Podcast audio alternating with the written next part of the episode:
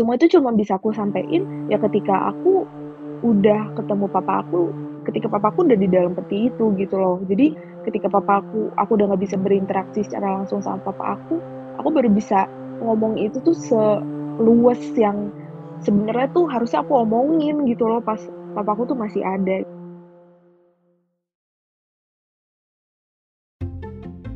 Hai, nama aku Ica, umurku 22 tahun, dan hari ini aku mau bercerita tentang keluarga kecilku yang sederhana dan harmonis, sampai satu kejadian yang berdampak besar terjadi lalu mengubah hidupku.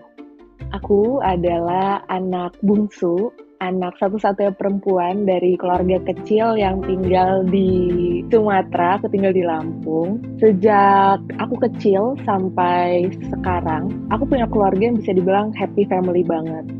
Aku punya kakak cowok satu-satunya, jadi kita lengkap banget berdua, sepasang cowok cewek. Dan um, aku juga punya orang tua, mama papa yang sangat amat menyayangi anak-anaknya dan kita berempat tuh sangat dekat walaupun memang sederhana gitu ya keluarganya mungkin juga nggak yang berkelimpahan tapi sehari-harinya tercukupi kita juga happy jadi mama papa itu memutuskan untuk uh, aku sama Koko balik lagi ke kota awal aku lahir gitu di Bogor karena uh, dengan pertimbangan sekolahnya lebih bagus. Nah, sejak saat itu sampai sekarang aku sama Koko itu LDR sama mama papa. Um, bisa dibilang aku sejak aku SMP dan sejak Koko SMA itu kita sudah mulai belajar untuk tinggal tidak satu rumah dengan orang tua. Walaupun di Bogor ini masih tinggal sama nenek gitu ya, masih sama keluarga. Nah, walaupun kita udah beda rumah, kita tetap chattingan tiap pagi, tiap malam, selalu telepon-teleponan dan lain sebagainya. Nah, biasanya keluarga aku itu ada semacam tradisi gitu ya. Tradisi di mana kita setahun sekali atau setahun dua kali itu uh, ketemu dan biasanya nyempetin untuk jalan-jalan. Terus akhirnya di 2019 Desember itu jalan-jalan ke Bali, happy banget aku sama Koko, sama mama, papa, sama oma aku, sama tante aku dan anaknya itu kita benar-benar uh, spend time together, benar-benar ngabisin waktu yang kita punya di akhir tahun itu melepas rindu. Semuanya suasananya hangat banget dan aku benar-benar happy karena itu liburan keluarga lagi yang udah aku nanti nantikan gitu kan yang udah lama banget nggak nggak dilaksanakan Nah, akhirnya di akhirnya kita pulang dan di Januari itu karena uh, mau papa sudah mulai harus kerja lagi, akhirnya mereka memutuskan untuk pulang lagi nih ke Lampung. Dan di awal bulan Januari setelah mama papa pulang, itu aku lagi fokus-fokusnya belajar nyupir sendiri bener-bener gak ada temen yang nemenin gitu di dalam mobil untuk ketemu temen SMP aku Nah, uh, sampai saat itu sih nggak ada suatu feeling atau kayak ada sesuatu yang mencurigakan gitu ya. Aku pamit di grup keluarga, aku bilang kayak, ma apa, Ica mau pergi ya ketemu teman-teman SMP, pinjam mobil oma. Aku pergi tuh pas banget jam 2 siang. Aku pergi pas 14.00 dan akhirnya aku nyupir uh, sampai di suatu coffee shop tapi sebelum sampai itu tuh pas udah kayak mau belokan terakhir tuh aku dapet telepon dari oma. Nah, tapi karena aku belum bisa multitasking dan sebagai pengendara yang baik, jadi aku tunggu sampai di lokasi dulu dan akhirnya baru aku angkat telepon sama aku setelah aku berhasil parkir. Nah, setelah aku berhasil parkir, aku angkat omaku um, kok panik gitu ya. Oma tuh nelpon terus bilang kayak, uh, pulang ya sekarang. Oma ditelepon sama mama suruh uh, ajak pulang sama Koko. Kita harus pulang ke Lampung gitu. Terus aku mikir kayak, ah kenapa gitu kan. Tapi aku berusaha untuk tenang, aku berusaha untuk meredam emosi karena aku sadar aku harus nyupir dan, dan gak boleh panik gitu ya. Aku buru-buru pulang, aku bahkan gak turun dari mobil, aku cuman pamit ke teman aku, teman-teman SMP aku, aku bilang aku gak jadi bisa ikut nongkrong dan aku harus pulang. Akhirnya aku pulang, dan di situ baru mulai berasa paniknya gitu kayak aku mulai mikir aku udah mulai mulai mikir apa ya hal-hal buruk gitu ya aku udah mulai overthinking kayak kenapa ya disuruh kayak gini? Karena nggak pernah sebelumnya tuh kayak gini. Dan ketika aku tanya ke Oma juga kayak kenapa? Kok kita disuruh pulang? Oma tuh cuma bilang nggak tahu. Mama cuma nelpon nangis-nangis suruh kita pulang aja ke Lampung.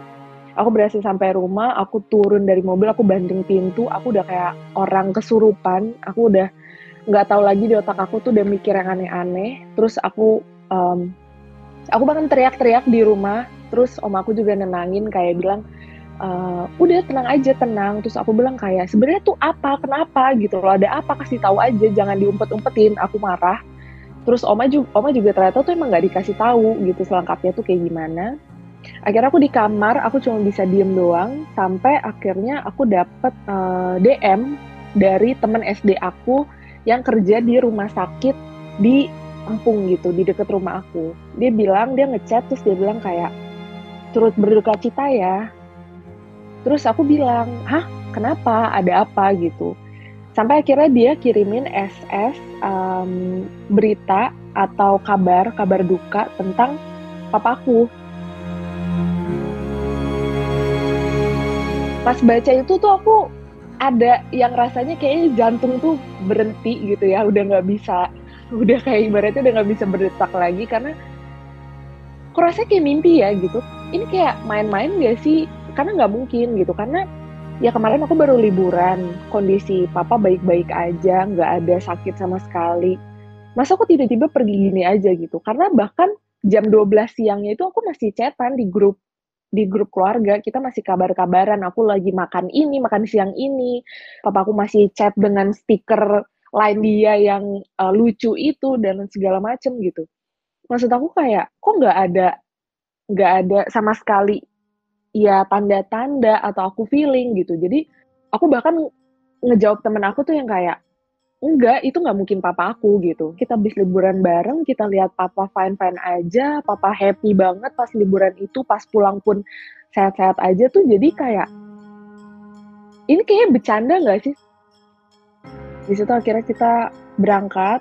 Perjalanan itu adalah satu-satunya perjalanan aku pulang kampung yang bener-bener aku nggak mau lagi sih ngerasain sedihnya kayak gitu. Karena biasanya kalau aku pulang ke Bogor dari Lampung ataupun sebaliknya dari Bogor ke Lampung aku tuh selalu happy karena ya aku bakal ketemu mau papa aku aku bakal ketemu uh, teman-teman masa kecil aku gitu. Karena pulangnya naik mobil kan harus naik kapal ya kapal feri gitu.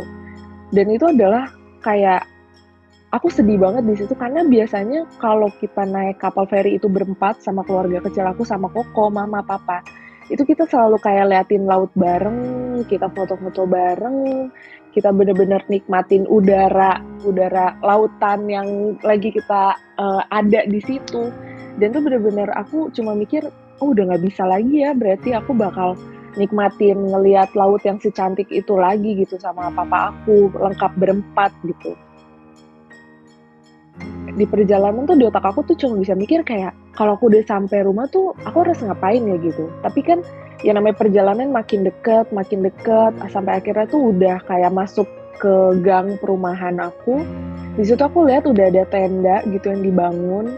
Udah uh, lampu rumah aku nyala terang banget. Banyak banget orang-orang yang nungguin bantu nemenin mamaku karena di Lampung itu tuh bener-bener bersyukur banget gitu ya. Tetangga-tetangga di sana tuh bener-bener mau nungguin mamaku rame banget. Mereka udah kayak saudara sendiri gitu. Bener-bener mastiin mamaku tuh nggak kesepian di situ sambil nunggu anak-anaknya dan uh, om aku tuh nyampe pas turun tuh aku bener-bener kikuk banget aku nggak tahu tuh aku harus ngapain gitu ketika aku peluk mamaku aku cuma inget pesan dari temen aku sebelum aku berangkat pulang ke Lampung temen aku tuh bilang kayak jangan nangis kalau udah ketemu papa ya katanya kayak gitu.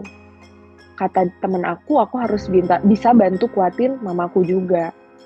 Dan aku cuma inget pesan itu dari temen aku sampai akhirnya aku peluk mamaku sama kokaku kita pelukan bertiga kenceng banget. Aku bisa ngerasain kayak kita bertiga tuh lagi sama-sama nguatin satu sama lain. Di situ koko aku udah nangis kejer banget om aku udah nangis kejer banget saudaraku juga udah nangis kejer banget tapi di situ aku masih bisa nahan aku belum aku belum keluar air mata sama sekali. Terus sampai akhirnya ketika mama aku tuh ngeh aku mamaku tuh ngomong kayak kalau mau nangis nangis aja nggak apa-apa gitu. Sampai aku tuh diingetin sama mamaku kalau nggak apa-apa nggak harus kelihatan kuat gitu loh. Nggak apa-apa nangis aja gitu. Ya di situ ketika aku udah mulai ngedeketin ke peti yang ada di dalam rumahku pertahanan aku tuh runtuh gitu loh. Aku udah nggak bisa denial lagi. Ketika aku udah lihat papa aku di sana papa aku yang ganteng banget yang bersih banget yang bener-bener senyum aku bisa lihat mukanya tuh kayak ya mungkin emang udah waktunya papaku pergi gitu. Itu bener papaku tuh udah pergi selamanya dan udah nggak bakal bisa balik lagi.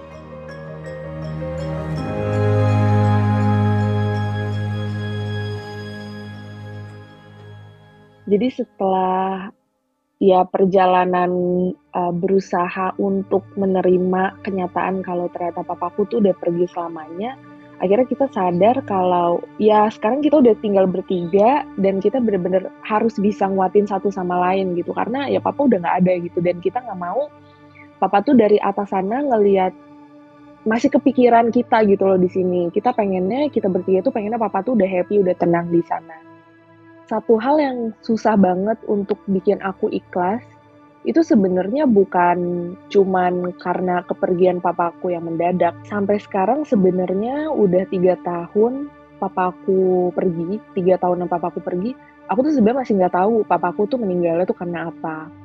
Papaku tuh pergi sangat amat mendadak ketika lagi pergi kerja, sampai ketika papaku meninggal tuh, papaku tuh apa ya, kayak masih nggak ada yang tahu gitu loh. Dan orang-orang ya pasti mikirnya kalau orang meninggal mendadak kan biasanya jantung gitu. Tapi ketika aku masih sibuk banget nyari apa sih sebenarnya papaku tuh perginya tuh kenapa gitu.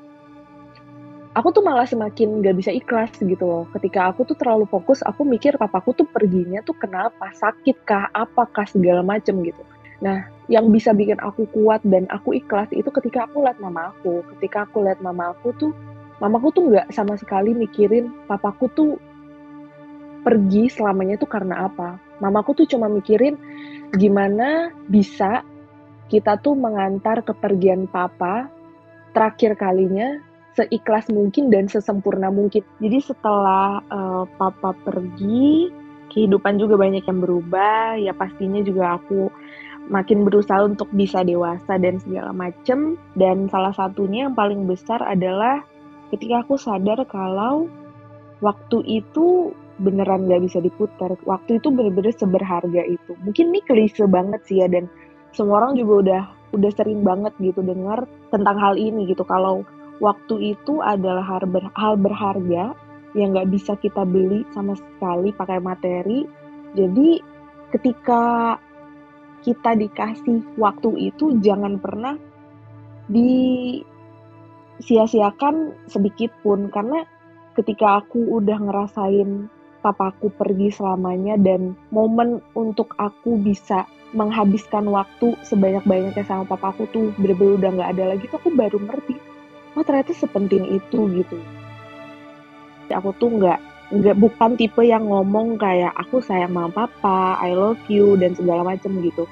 Nah ketika papaku pergi aku tuh sadar kalau ternyata sesimpel kita ngomong I love you atau misalnya ketika aku ngerasa salah aku minta maaf itu tuh penting banget gitu. Karena ketika papaku pergi aku nyesel banget. Karena aku jarang banget untuk bilang kalau aku tuh sayang banget sama papa. Aku aku tuh bersyukur banget jadi anak papa gitu. Semua itu cuma bisa aku sampein. Ya ketika aku udah ketemu papa aku ketika papaku udah di dalam peti itu gitu loh. Jadi ketika papaku aku udah nggak bisa berinteraksi secara langsung sama papa aku aku baru bisa ngomong itu tuh seluas yang sebenarnya tuh harusnya aku omongin gitu loh pas papaku tuh masih ada gitu. Jadi dari kejadian yang aku alamin di hidup aku yang menurut aku ini adalah salah satu kejadian yang sangat amat berdampak di hidup aku dan mengubah hidupku sangat amat banyak. Aku belajar banget kalau ketika ada momen yang dikasih dan waktu yang masih kita punya gunainlah itu sebaik-baiknya. Jangan pernah malu untuk bilang I love you ke orang yang kita sayang. Jangan pernah bila jangan pernah malu untuk bilang maaf kalau misalnya emang kita salah. Karena jangan sampai ketika orang itu pergi kita baru nyesel gitu. Karena penyesalan tuh rasanya nggak enak banget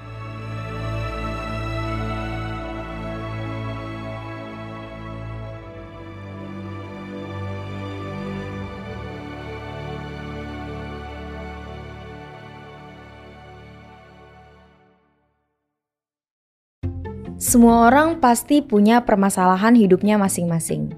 Kalau kamu, gimana caramu menghadapinya? Boleh banget nih, submit ceritamu dengan klik link di description episode ini. Kami tunggu ceritamu ya.